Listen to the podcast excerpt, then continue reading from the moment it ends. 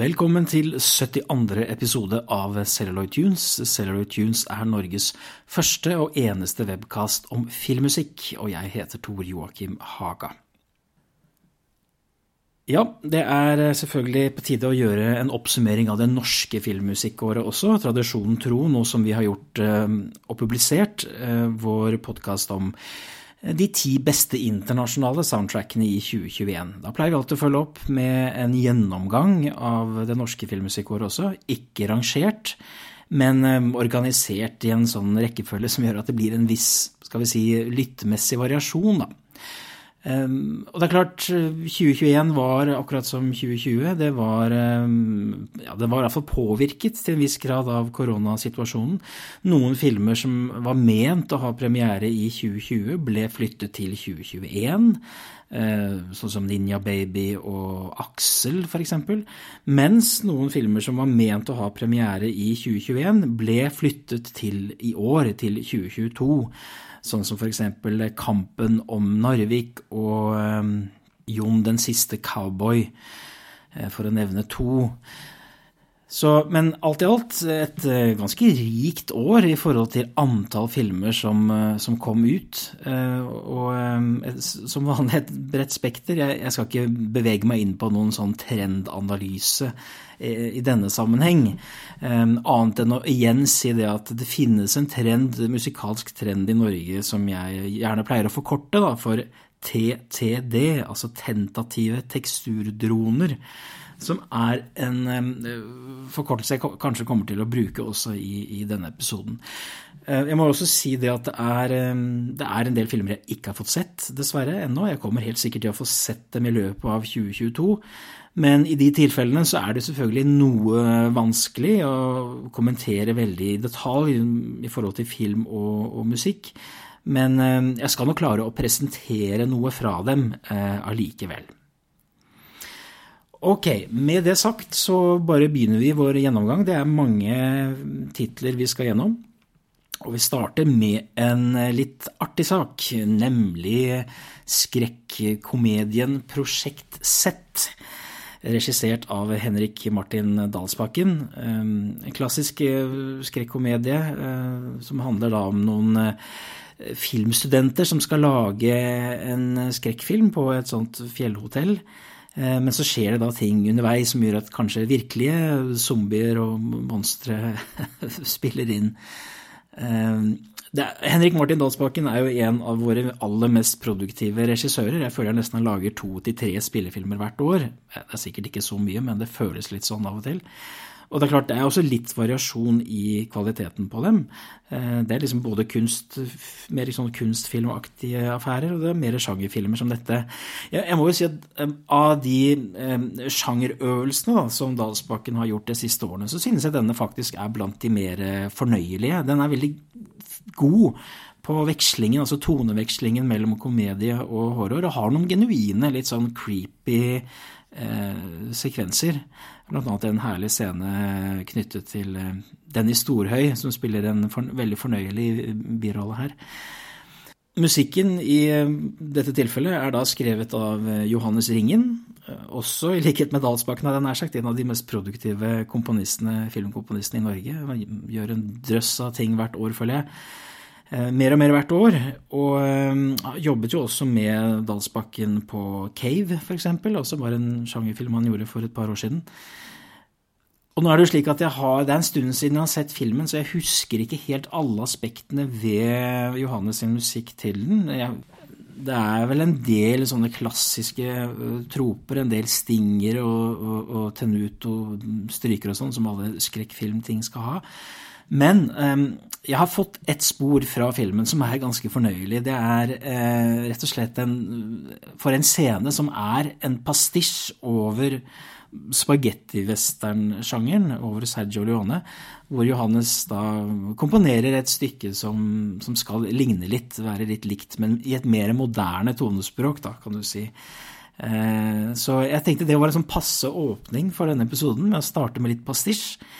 Eh, med et spor som Johannes da har kalt 'Sounds Like Spaghetti Western' fra Prosjekt Z.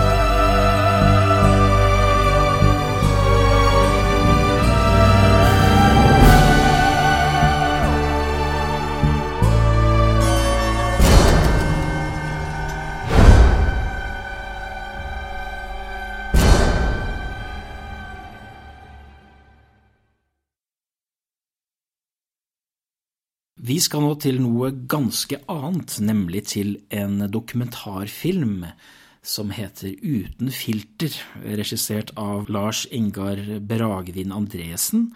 Eh, som handler om ja, som rett og slett er en portrettdokumentar om ulike ungdommer og deres hverdagsliv. Følger også bl.a. et rockeband som kaller seg for Vrengt ifra Moss. Eh, så rett og slett bare et sånn innblikksfilm i, i, dagens ungdom som er veldig interessant for meg, som ikke har egne barn, å få et lite innblikk i, i hva de tenker rundt eh, ja, situasjonen og veien videre og sånn. Jeg syns det var en god dokumentarfilm minner litt om en Jeg mener det var en TV-serie på NRK som hadde et litt lignende konsept, men da var det hvor, hvor ungdommer filmer seg selv eh, i løpet av noen dager. Musikken her er skrevet av en komponist som heter Svein Petter Nilsen, som i utgangspunktet var et navn jeg ikke kjente til. Men jeg husker jeg googlet han for en tid tilbake og fant vel ut at han var opprinnelig da en, en musiker, en gitarist, mener jeg, fra Stavanger, som har vært involvert i en uh, rekke forskjellige band, som jeg for så vidt kanskje heller ikke hadde hørt om. Men absolutt nå et navn som er på radaren min. Jeg regner med at dette er hans første spillefilm, eller hans første filmjobb. Om ikke, så korriger meg gjerne.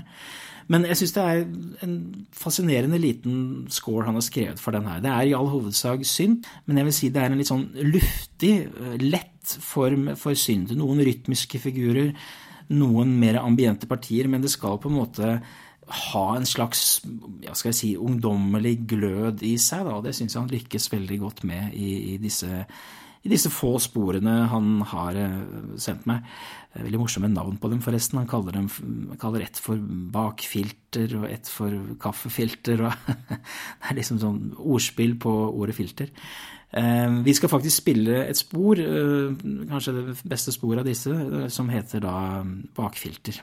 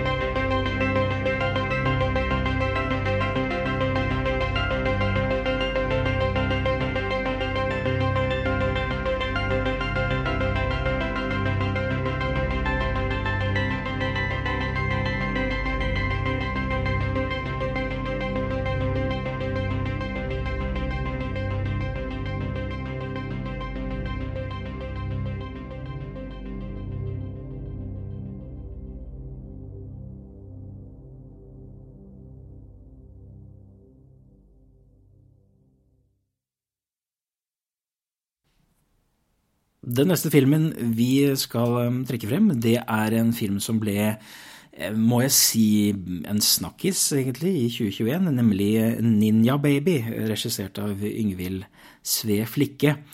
Eh, som da handler om eh, en ung jente som blir si, ufrivillig gravid. Eller hun er i hvert fall gravid uten å oppdage det før det har gått seks måneder og må forholde seg til det eh, i hennes liv og konfrontere f.eks. barnefaren og, og, og, sånne ting. Hun ønsker jo ikke å være gravid, selvfølgelig. Eh, tanker rundt abort osv. Eh, det er en film som har gjort det veldig bra, som har fått flere priser. Den skulle egentlig vært vist, da, i, som jeg nevnte innledningsvis, i 2020, men ble flyttet til 2021. Eh, jeg syns også det er en god film. Jeg blir av og til ganske frustrert på en del av rollefigurene i den. Eh, det er kanskje også litt av, av ideen her, for det er jo en frustrert situasjon eh, hun da befinner seg i. Filmens musikk er skrevet av en veteran i norsk filmmusikksammenheng, Kåre Kristoffer Vestreim. Vi er vel for så vidt igjen i et slags TTD-landskap her. Det er piano, synt, strykere. Det er et kammerensemble, stort sett, men som både har et islett av letthet og humor i seg, og alvor på samme tid. Så det er en slags, en slags dynamikk mellom disse to mm, lydlandskapene gjennom filmen. Vi skal eh, spille to relativt korte spor fra Ninja Baby, nemlig tittelsekvensen og et spor som heter Blood and Suffering.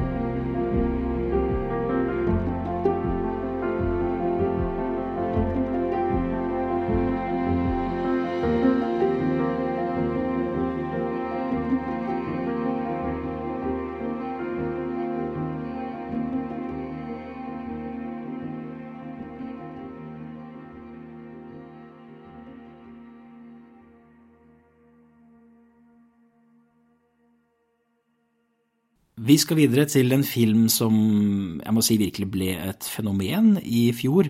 Og nå er det jo sånn at jeg bruker som regel da veldig kort tid på introduksjonene til hvert klipp, fordi det er så mange vi skal gjennom. Men i dette tilfellet så er det en film som vi kunne brukt timevis egentlig å snakke om. Eh, og eh, jeg refererer da til filmen Gritt, regissert av Itonje Søymer eh, Guttormsen.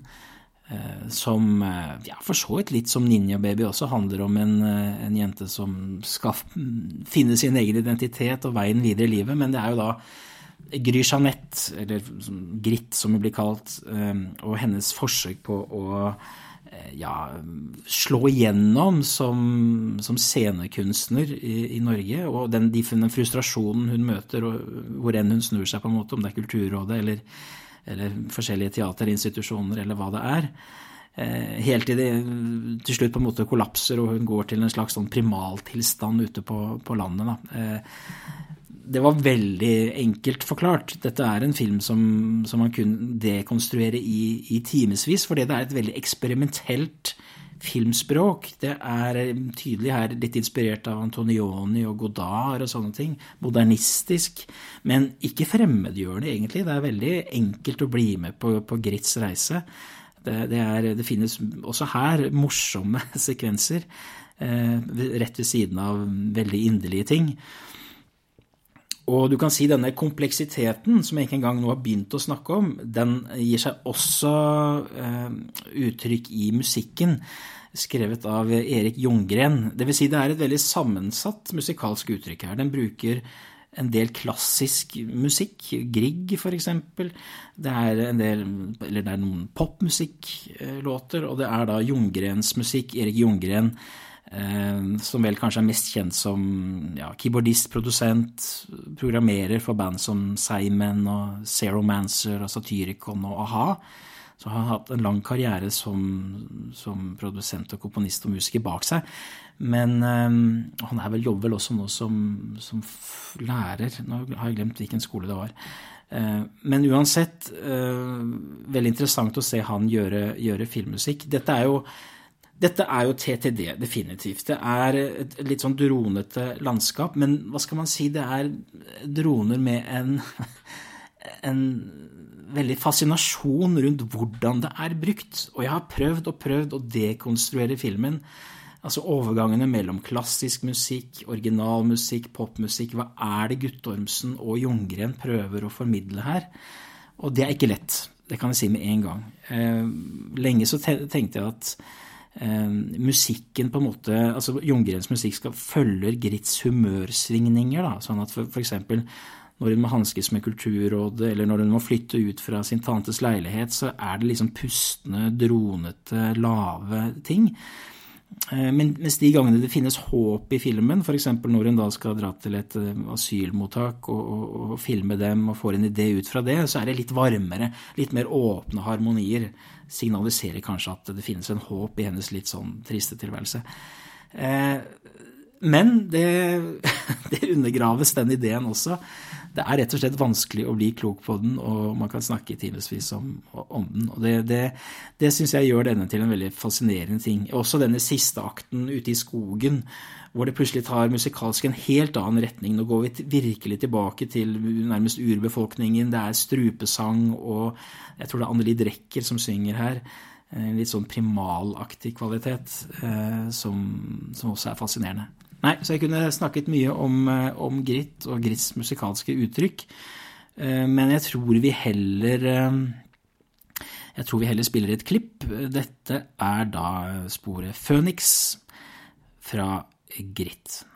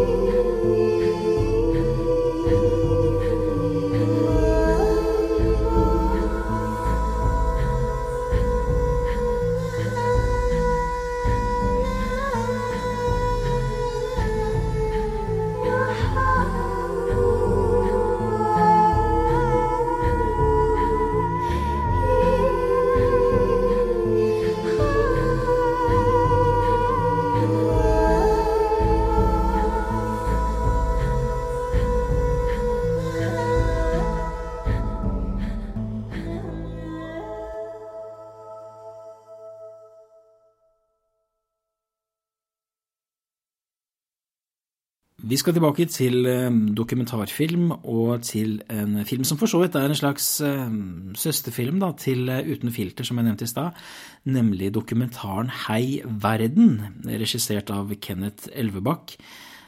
Som også da er en historie om ja, Vi følger i hvert fall fire ungdommer eh, gjennom tre år på ungdomsskolen. Men det er jo da ungdommer som kanskje kjenner på dette med, med utenforskap f.eks. da knyttet opp til LGBT-spørsmål. Igjen et veldig sånn ærlig, gjennomsiktig eh, portrett som, som, gir oss anledning til å være med på hva skal jeg si, både opp, opp, opp og nedturer eh, gjennom eh, de tre årene på ungdomsskolen, som, er, som, jo er vanskelig for veldig mange, men kanskje ekstra vanskelig hvis man har en legning f.eks. som ikke passer inn i hva skal man si, eh, normaliteten. Da. Så det er, en, det er, også en virkelig god, god dokumentar. Eh, musikken her er da skrevet av eh, enda en veteran i norsk filmmusikksammenheng, nemlig Henrik Skram.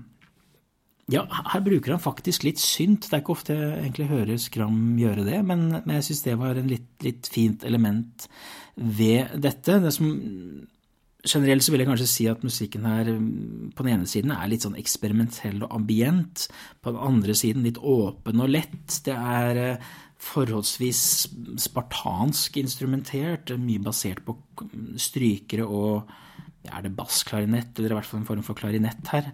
Eh, det er ikke så lett å gjenkjenne bare ved å lytte for meg. Men, men igjen en slags kammerkvalitet. Litt sånn for så vidt som Eh, uten filter også, men vil kanskje si at denne går enda mer i, den psykologiske dybden her, da.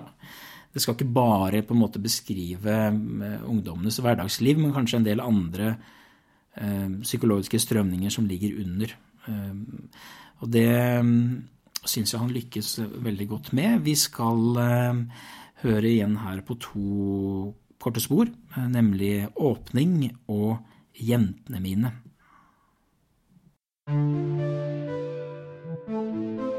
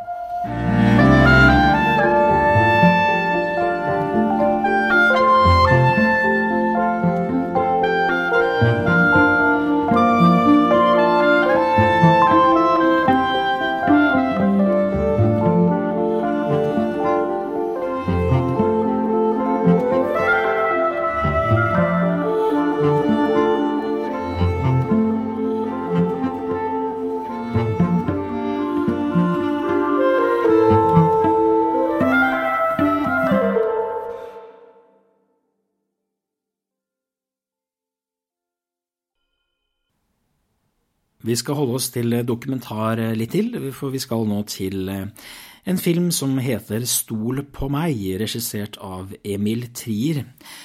Jeg tror faktisk den også ligger på NRK sine nettsider. Den gjorde i hvert fall det en periode. Det er jo da en film som handler om denne, denne fyren, Walid Ahmed fra Skien, som slutten av 2000-tallet startet et selskap som da kalte for Grønt Norge, som var sånne eh, altså mobiltelefoner som kunne lades med solenergi. Og han ble invitert til eh, middag på Skaugum og møtte liksom Brundtland og det ene med det andre. Eh, men så viser det seg selvfølgelig at det hele bare er bløff, og han er en bedrager. Eh, han drar til USA, til Los Angeles, og fortsetter sin tvilsomme virksomhet med å selge rettigheter til Justin Bieber-konserter i, i, Skandinavia. Eh, rettigheter som han jo ikke besitter i det hele tatt. Og blir til slutt da fengslet eh, og dømt til fengsel i elleve år. Eh, så en eh, litt sånn fascinerende, litt sånn norsk versjon av eh, den derre Catch Me If You Can, hvis dere husker den filmen, av Spielberg. Musikken til filmen er skrevet av igjen Johannes Ringen, som vi var litt innom tidligere. Nå er det igjen en stund siden jeg har sett den, så jeg kan ikke huske sånn i detalj, sånn helhetlig, hva slags innfallsvinkel Johannes brukte her. Eh, men eh, det er klart, når man skal lage musikk til dokumentarfilm, så handler det jo litt om å om å kanskje ikke være for retorisk, så en type TTD-landskap kan, passer kanskje bedre her, da.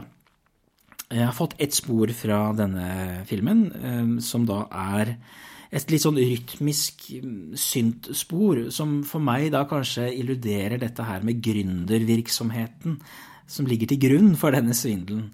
Eh, dette er en eh, fyr åpenbart med mange jern i ilden, med masse ideer som sprudler og, og, og syder. Men som da er falske, da.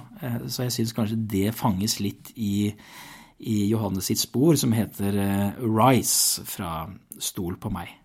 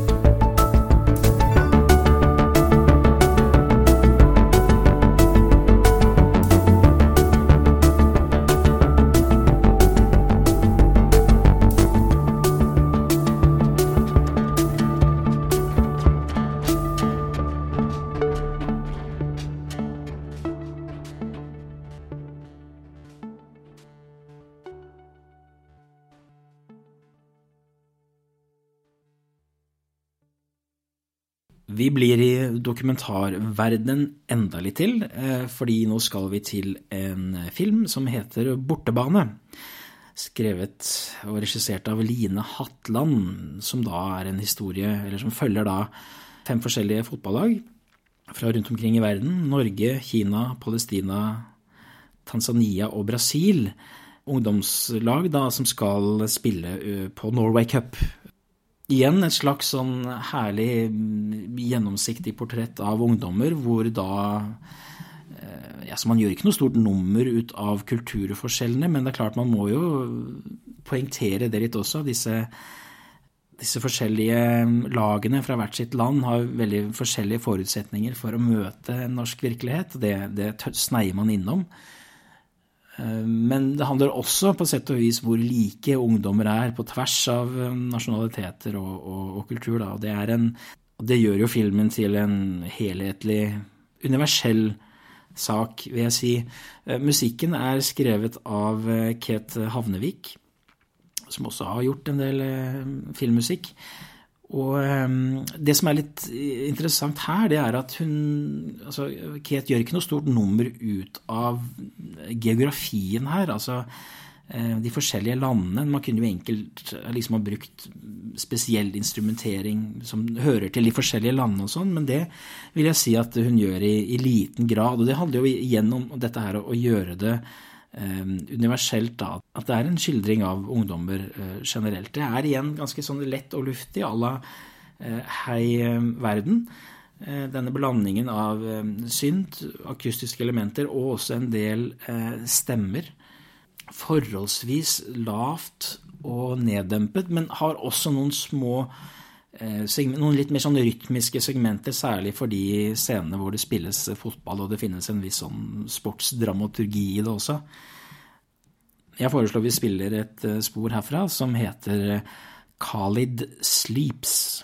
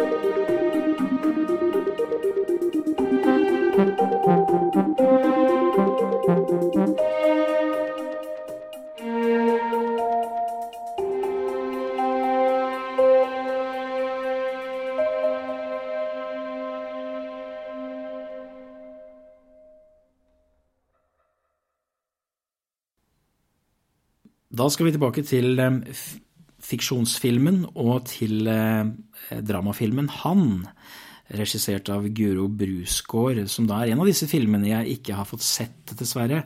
En, eh, et interessant premiss da, som handler om, hva skal man si, den litt sånn famlende mannsrollen i Norge i dag. Den følger da tre menn i tre forskjellige generasjoner Eh, og med, med, med, tre forskjellige problemer eh, knyttet til dette med å være mann i 2021.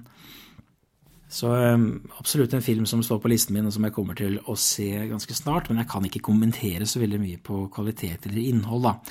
Annet enn å si at musikken her er skrevet av Erik Hedin. Han er svensk. Det er jo en ting vi gjør i Norge. Vi importerer ganske ofte komponister fra andre nordiske land, eller andre europeiske land, for den saks skyld. Og Hedins musikk til denne filmen skal vi si er jeg vil si, ganske ekstremt monotematisk. Den har liksom ett sånn enkelt, slentrende motiv eller ostinat som på en måte varieres da etter stemningsvalør gjennom, gjennom filmen. Jeg antar på en måte at det skal være da en slags, en eh, slags rød tråd eh, som skal forbinde disse tre forskjellige eh, mannsskjebnene i filmen, uten at jeg kan gå og si så mye mer detalj enn det. Eh, men veldig interessante, morsomme variasjoner da, han gjør over dette enkeltmotivet. Og Jeg har derfor lyst til å spille to, eh, to kutt. Eh, de heter bare tall, nemlig én og syv.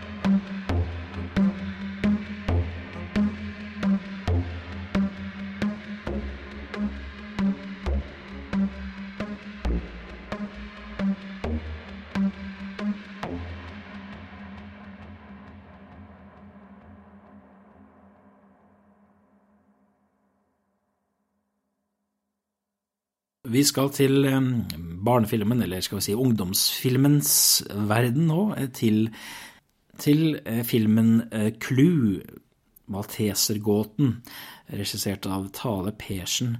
Denne Clue-serien det er da en, opprinnelig vel en bokserie av Jørn Lier Horst, kriminallitteratur for ungdom. Jeg har ikke lest noen av dem, men jeg mener å forespeile meg, nå må dere korrigere meg hvis jeg tar feil, men at det har vært laget noe TV eller noe film tidligere i denne serien. Eh, om det ikke er det, så, og dette er første adaptasjon av den, så, så beklager jeg, men bare, jeg har noe sånt vagt minne. Det kan godt være jeg blander den med et, en annen franchise. Jeg vet jo at f.eks. Eh, Detektivbyrå nummer to, også av Jørn Lier Horst, har blitt adaptert. Uh, ja, så, så, men det var, det var, bare et vagt minne. vagt minne. Det er i hvert fall en mysteriefilm da, som handler om uh, Cecilie og Une, og som da møter Leo. Og de finner et lik i Skutebukta. Og da lurer man på hva, hva, hvem er dette liket, og finnes det noen forbindelse mellom liket og, og Cecilies mor, som døde da året før. Det er jo da veldig tydelig, som dere forstår, at jeg ikke har fått sett denne filmen heller. Men det har jo vært en litt sånn strøm av, av ungdomsfilmer med et sånt mysteriepreg de, de, siste årene, med skal jeg si, litt ujevne resultater. da. En av de virkelig gode filmene, synes jeg, var jo 'Operasjon Arktis', basert på en bok av Leif Hamre for noen år siden. Av Grete Wahl. Den syns jeg var virkelig god. Hadde også nydelig musikk av Trond Bjerknes. Så, men, men, alt det andre her går litt sånn inn og ut av, av hodet mitt. Var det ikke noe med oh, Trio, ja. Nå kom jeg på det. Trio og Olavsskrinet. det det, det var den jeg tenkte på i stad. Da ser du, det går litt rundt for meg med, med disse franchisene. Men det er ikke så farlig. Vi skal snakke om musikken først og fremst, og den er jo da skrevet av um, Henrik Skram igjen, som jo har gjort uh, ungdoms- og barneting tidligere. Spesielt imponert ble jeg av musikken hans til uh, jule- eller adventsserien Snøfall for et par år siden. Så mm, Henrik kan jo på en måte gjøre hva skal man si, litt mer sånn eksperimentelle, ambiente ting for typ kunstfilmer, og litt mer sånn åpne, eh, romantiske ting som dette. da. Jeg mener at den det orkestrale biten av dette soundtracket er spilt inn med, med Budapest Arts Orchestra, eller noe sånt, tror jeg det heter. Men jeg lurer også litt på om han har kombinert det med noen egne sampler da, eh, for å beefe opp lydbildet. Det får korrigere meg, Henrik, hvis jeg tar feil. Eh, det benytter også en del sånne valssignaturer. Igjen, vi er et betydelig mer sånn neoromantisk tonelandskap, i hvert fall til tider. Eh, det som på en måte føyer den inn i tradisjonen med disse mysteriefilmene, er jo dette Born-riffet Eh, som eh, John Powell etablerte med den første Jason Bourne-filmen i 2002. Et rytmisk riff som på en måte har blitt veldig toneangivende for mye action og spennings- og mysteriefilmer de siste årene. Det er også til stede her. Så liten, eh, et lite nikk til det også får Henrik sneket inn. Jeg tror vi rett og slett bare spiller et spor. Dette er åpningssporet The Pearl Inn.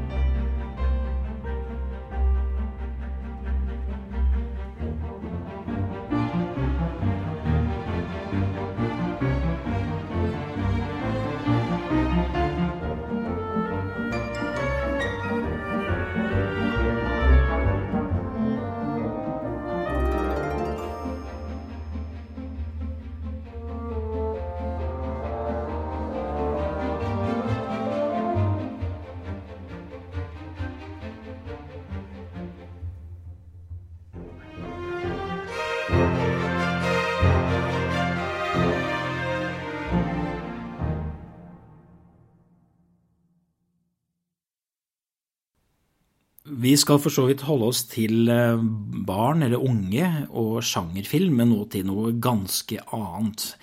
Nemlig til en av de store snakkisfilmene fra i fjor. Eskil Vogts eh, skrekkfilm De uskyldige. Eh, som også ble en snakkis i, Cannes, faktisk, der den ble vist. Den ble jo ikke vist i hovedkonkurransen, men den ble, vist i en av disse andre segmentene som jeg ikke husker nå i farta.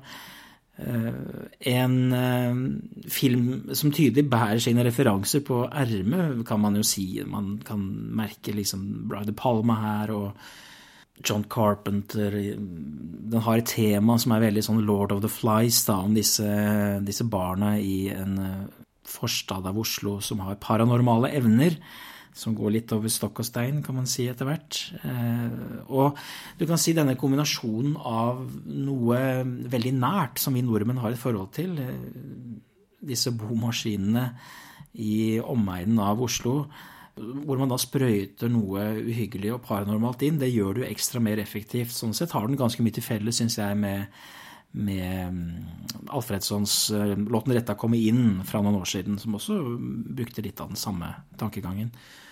Det er en virkelig god film med noen sitrende, nærværende enkeltsekvenser som, eh, som sitter godt i, altså, uten at jeg skal gå så mye i detalj på, på, det. Det var en film som var høyt oppe på mine lister av beste filmer i fjor. Faktisk den beste norske filmen, tror jeg. Helt oppe på tolvteplass.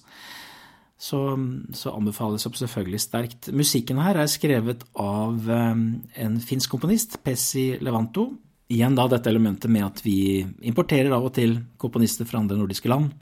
Det som er litt interessant her, er at Pessi vel kanskje er mest kjent for å gjøre mer melodiøse, tematiske ting, orkestrale ting, kanskje litt inspirert av John Williams. Så å høre han gjøre noe som dette var litt rart, for dette består jo da Dette er veldig TTD. Det består stort sett av mørke, mørke droner musikken skal være minst mulig på en måte i veien for det sosialrealistiske uttrykket, og har derfor ikke noen markante melodier eller temaer eller, eller noen ting. Så eh, ganske sånn lyddesignaktig score. Men så har den jo da noe veldig fint i starten og slutten av filmen, som da er en eh, melodilinje på vet ikke om det er glockenspiel eller marimba eller noe som skal på en måte understreke barnets uskyldighet, satt mot noen mørke droner. Det er ganske flott i starten og slutten av filmen. Men som lytteopplevelse på album så vet jeg ikke helt hvordan det funker. Dette er først og fremst en sånn klassisk, uh, god uh, lyddesign dronescore, uh, må jeg si. Så, men la oss høre da på denne åpningen av De uskyldige som jeg snakker om.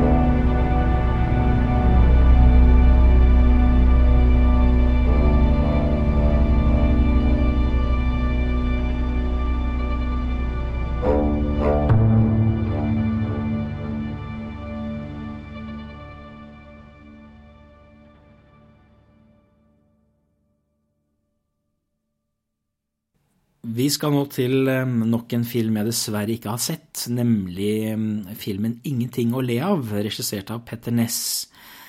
Eh, da med Odd Magnus Williamson, som spiller en standup-komiker som en dag får en fæl diagnose. Jeg vet ikke om det er kreft eller hva det er for noe, men han må forholde seg til det i, i livet sitt, og hvordan kan han bruke det eventuelt som som komiker. Jeg eh, skal ikke si noe mer enn det, for jeg har jo ikke sett den. Eh, men eh, det kan i hvert fall virke som det er en sånn type film vi er ganske gode på å gjøre i Norge. Dvs. Si de som ligger litt i grenselandet mellom komedie og drama, eller mørk komedie, da, kall det gjerne for det.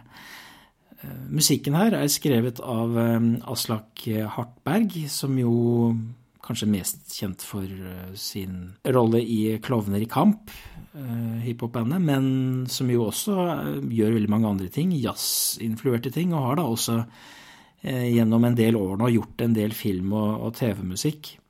Hvordan skal vi beskrive musikken her? Jo, også det er en litt sånn smygende, lett tone. Instrumentert gjerne med, med klarinett, treblås, piano, marimba. Noen ganger har det litt jazzpreg så det er eh, igjen dette her med å fange eh, både humoren og alvoret da, i, i, fortellingen, går jeg ut fra. Jeg tror ikke jeg skal si så veldig mye mer, annet enn at eh, vi spiller et klipp som rett og slett heter Frosk.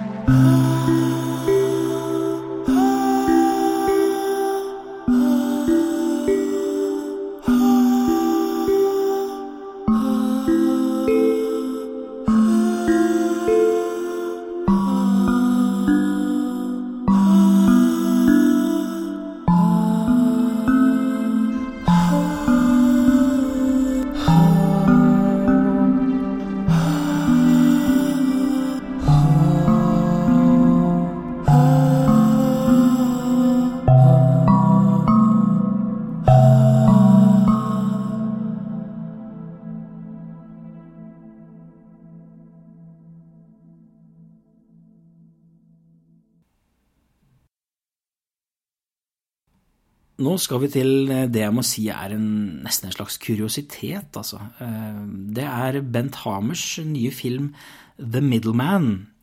Som eh, jo på sett og vis er norsk, men som på en måte er Den er jo engelskspråklig og en internasjonal produksjon. Det her er rett og slett en litt sånn rar hybridsak, da. Basert på en er det novelle eller en roman av eh, Lars Saabye Christensen. Ja, altså Når jeg sier at det er en kuriositet, så er det fordi det er jo flere fremstående norske skuespillere her. Pål Sverre Hagen, Trond Fausa, Aksel Hennie. Ja, så har du jo også Tuva Nuvatni her, altså skandinaviske skuespillere som, som, snakker da Prøver å snakke beint amerikansk. Så har du også ganske etablerte eh, engelskspråklige skuespillere som Kenneth Welsh, f.eks. Eh, mange vil huske han fra Twin Peaks. Så eh, en rar, sammensatt sak spilt inn i Canada, men skal da forsøke å illustrere eller fremvise en eller annen by i det amerikanske rustbeltet, da, som jo har vært mye i vinden de siste årene. Altså kampen om rustbeltet fra både republikanerne og demokratenes sider.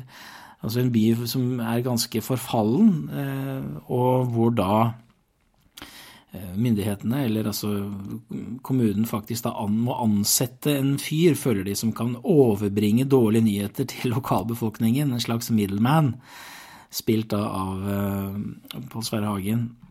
Altså, det er veldig rart å høre disse norske skuespillerne snakke engelsk med hverandre på den måten, og det er vel et slags forsøk på å lage en portrettfilm av et sosialt lag som i utgangspunktet passer Bent Hamer, eh, hvor han kan bruke liksom litt sånne stiliserte, balanserte innstillinger og litt sånn skittenvakkert til tider.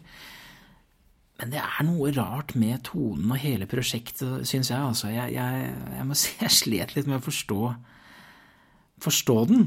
Eh, som en kunstnerisk idé og som en historie. Eh, ja. Jeg er stor fan av Bent Hamer og har alltid vært det, men jeg synes vel kanskje ikke at dette er hans på en måte shining hour, kan man si. Nå har jo Bent Hamer jobbet mye med komponist Koda, da, Leon Erik Koda. Eh, det gjør han ikke her, sikkert fordi det er en internasjonal koproduksjon. Så har han fått inn en britisk eh, Er han britisk, eller er han kanadisk? Jeg lurer på han er kanadisk komponist som heter Jonathan Goldsmith. Da har ingen eh, relasjon, så vidt jeg vet, til Jerry Goldsmith. Men han skriver jo da en score som Koda godt også kunne skrevet. Det er litt sånn, i starten i hvert fall, litt sånn country western-vibe med, med slide-gitar og sånne ting. Eh, før den da faktisk glir over litt i nettopp Kodas litt sånn odde, rare, vindskeive tone etter hvert. Så ja, man kan lure på hvorfor han eh, Koda da ikke ble hyret denne gangen. Eh, vi skal i hvert fall høre et spor fra The Middleman. Dette er rett og slett 1M1.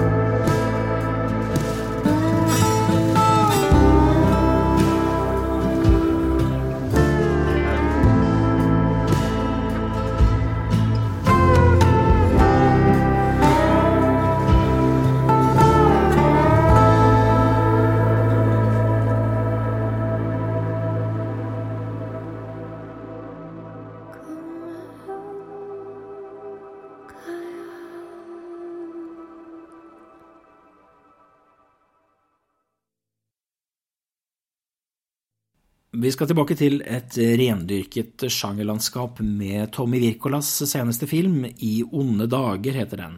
Eller The Trip på engelsk. Den ligger ute på Netflix. Jeg vet ikke om det var, var det en Netflix-produksjon, eller var det ikke? Det husker jeg ikke. Den ligger i hvert fall der. Handler da om dette ekteparet, eh, spilt av henholdsvis eh, Aksel Hennie og Noomi Rapace som eh, drar på hyttetur, og hvor de begge på en måte planlegger å myrde den andre på litt sånn Roald Dahl-aktig vis.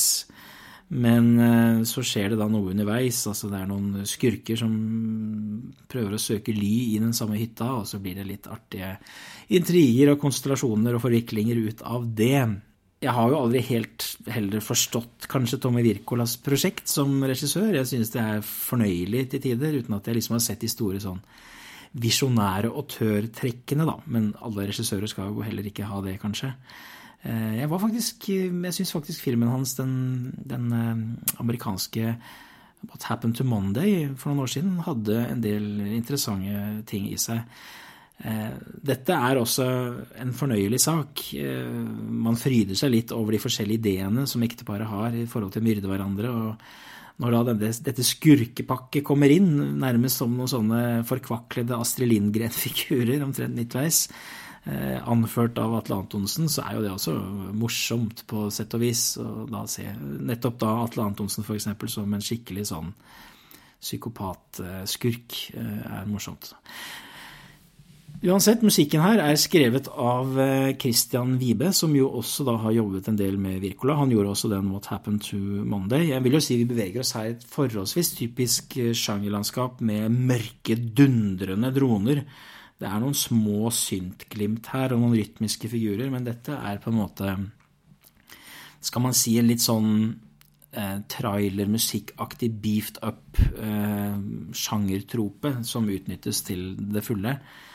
Det er jo Christian Wibe veldig god på, akkurat det segmentet der.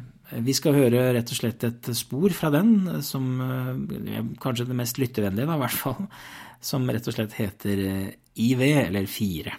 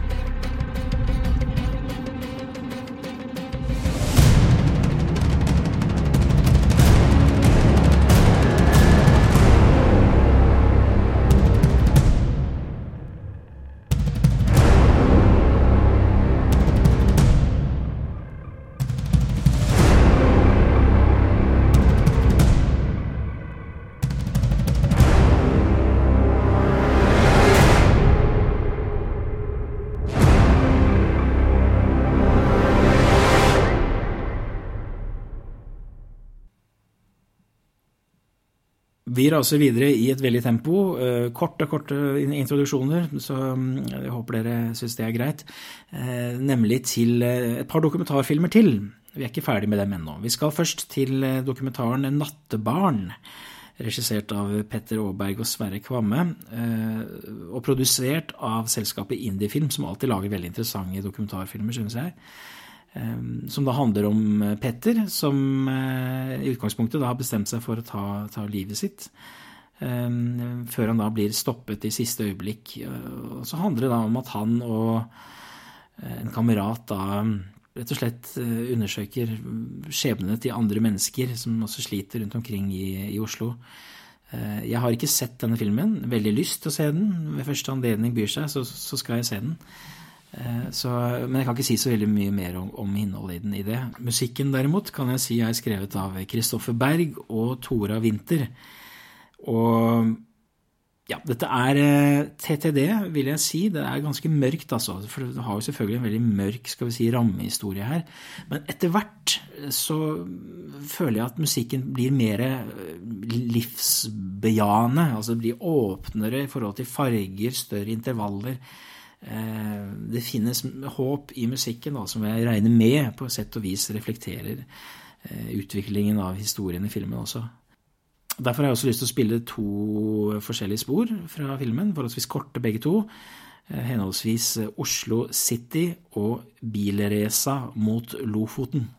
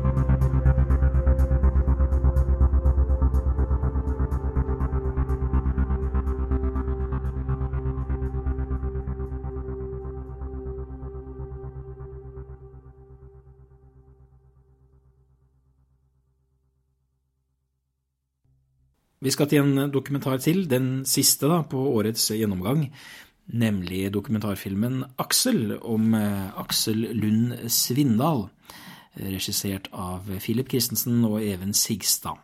En film som egentlig var ment å ha premiere i 2020, som jeg nevnte innledningsvis, men som da ble flyttet til 2021.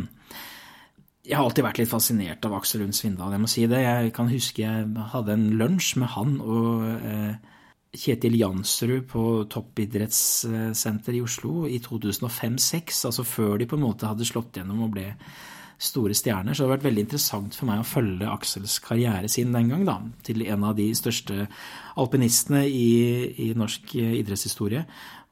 Filmen er jo selvfølgelig en portrettfilm om han, en biografifilm om han.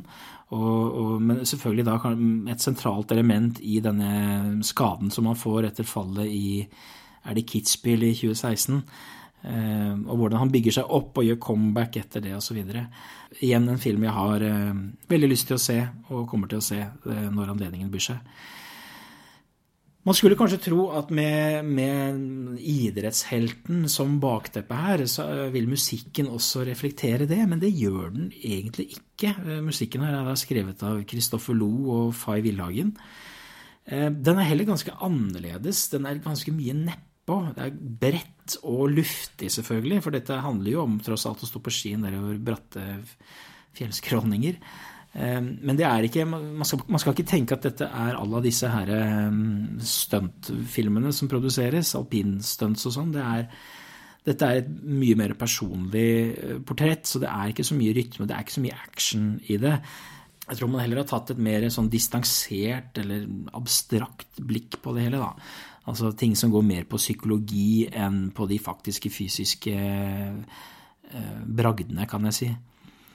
Så eh, litt overrasket når jeg hørte det, men absolutt eh, veldig mye interessant i musikken her også. Jeg har lyst til å spille et spor som heter Laudable Ending.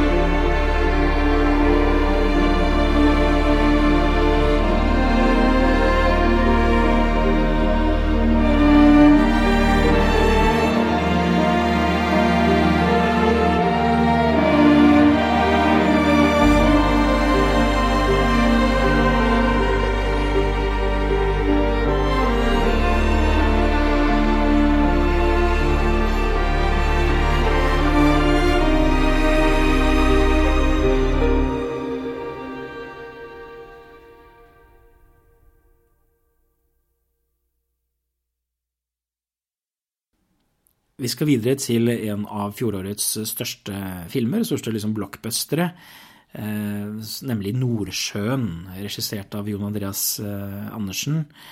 Altså det er jo det samme teamet her som sto bak Bølgen og, Skjelvet. Bølgen likte jeg veldig godt, Skjelvet var jeg litt delt til.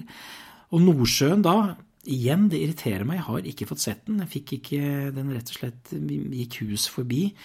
Eh, og det er litt irriterende i denne sammenheng, fordi jeg alltid har vært kjempestor fan av katastrofefilmer. Så dette er vel kanskje den som står øverst på listen av filmene som jeg vil eh, se når jeg får mulighet.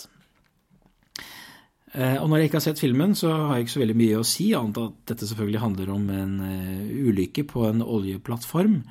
Eh, jeg var jo veldig glad i en eh, film som kom for noen år siden, som het Deepwater Horizon, regissert av Peter Berg. Tøff og tett eh, katastrofefilm som, som fenget meg, og jeg kan jo i hvert fall gå ut fra kanskje at denne har en del til felles med den. Men jeg kommer ikke med noe verdidom før jeg har sett den. Musikken her er skrevet av uh, igjen Johannes Ringen, uh, denne gangen sammen med Johan Sødequist. Uh, heller ikke ukjent i norsk sammenheng. Han gjør mange store norske filmer, han. Og de samarbeidet vel også, om jeg husker riktig, på Skjelvet.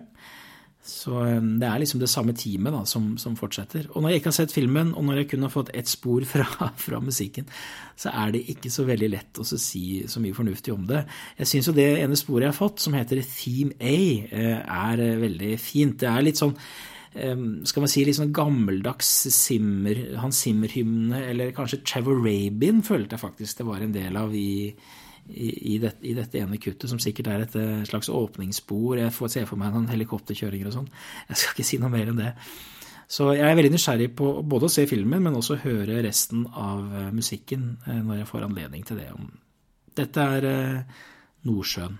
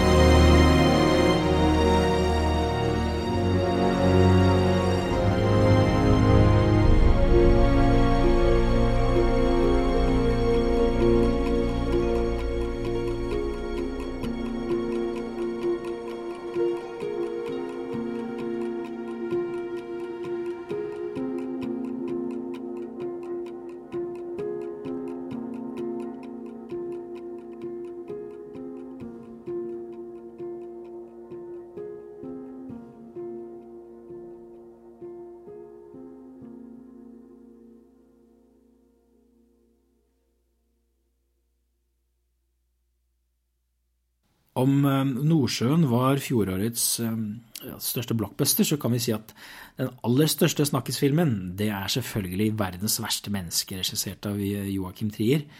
Eh, en film som var med i hovedkonkurransen i Cannes, og som har høstet utallige lovord siden, til og med fra folk som Barack Obama liksom, har hatt den på sin topp ti-liste. Så det er virkelig, virkelig blitt en film som har gjort det bra. Også i, i billettsalg så er den vel også usedvanlig høyt oppe til å være det vi kan kalle i, i hermetegn en, en, kunstfilm. Det er jo da en film om Julie, da, spilt av Renate Reinsve, som er litt på jakt etter sin egen identitet i livet. Eh, et slags gjennomgangstema i flere filmer i fjor. Jeg vil jo si også både Grit og Ninja Baby har det i seg. Men hvor filmen jo også er en del av det som kalles for Oslo-trilogien, som sammen med reprise og Oslo 31. august eh, utgjør et slags portrett av eh, menneskeskjebner i, i storbyen, og med fantastiske Oslo-bilder osv. Det er jo da også på sett og vis et slags trekantdrama her. med Julies forhold til eh, Aksel, altså Anders Danielsen Lies eh, rollefigur, og Eivind, eh, spilt av eh, Herbert Nordrum. Hvorav den ene representerer på en måte det altså sjelevennen, kunstnerisk ambisiøse, eh, akademiske, og den andre representerer kanskje det litt mer trygge, gode, upretensiøse. Eh, hvis man skal forenkle det veldig, da. Så, så der ligger det også en, en, dynamikk. Jeg skal ikke begynne å gå så veldig mye inn i detalj om denne filmen, for er, eh, den har blitt diskutert opp i det eh, mente. Annet enn at den er veldig god. Det er også på topp 20-listen for meg fra i fjor. Og um, musikken, da, selvfølgelig. Når det er en Joakim Trier-film, så er det Ola Fløttum som skriver musikken, stort sett. Og det er da også tilfellet her. Eh, jeg har kun fått et spor tilsendt, men jeg husker jo, så vidt jeg kan når jeg så filmen, at det er vart og forsiktig, skal ikke være for retorisk. Eh, så det er nok et hakk ned på stigen i forhold til musikkens tilstedeværelse, sammenlignet med f.eks. Thelma, da, som var en virkelig fantastisk score for et par år siden, eh, men som jo er tettere opp til et sjangerfilmlandskap. Jeg har likevel lyst til å spille et eh, spor for dere som heter Julie and Eivind.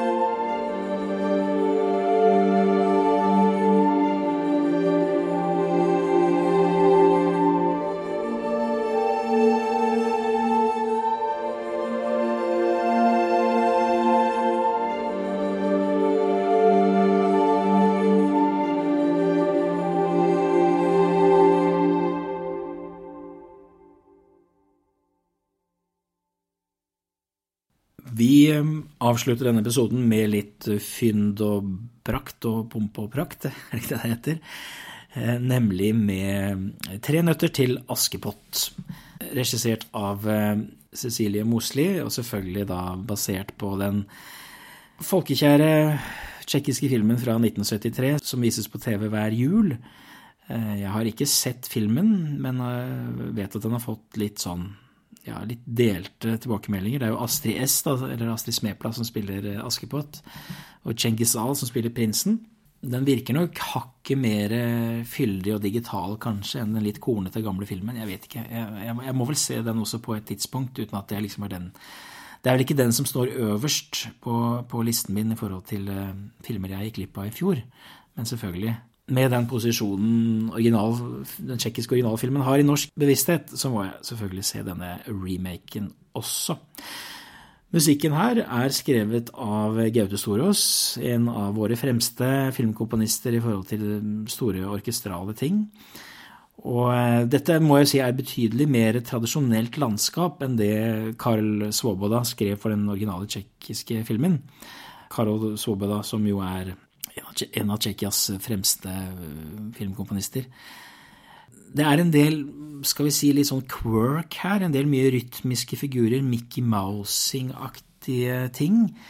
Eh, som jeg går ut fra da handler litt om filmens tone og visuelle uttrykk også. Noen, faktisk noen elementer her ga meg assosiasjoner til James Horners Avatar, som er et helt annet landskap, men ja, kanskje litt sånn i forhold til etnisitet og sånn.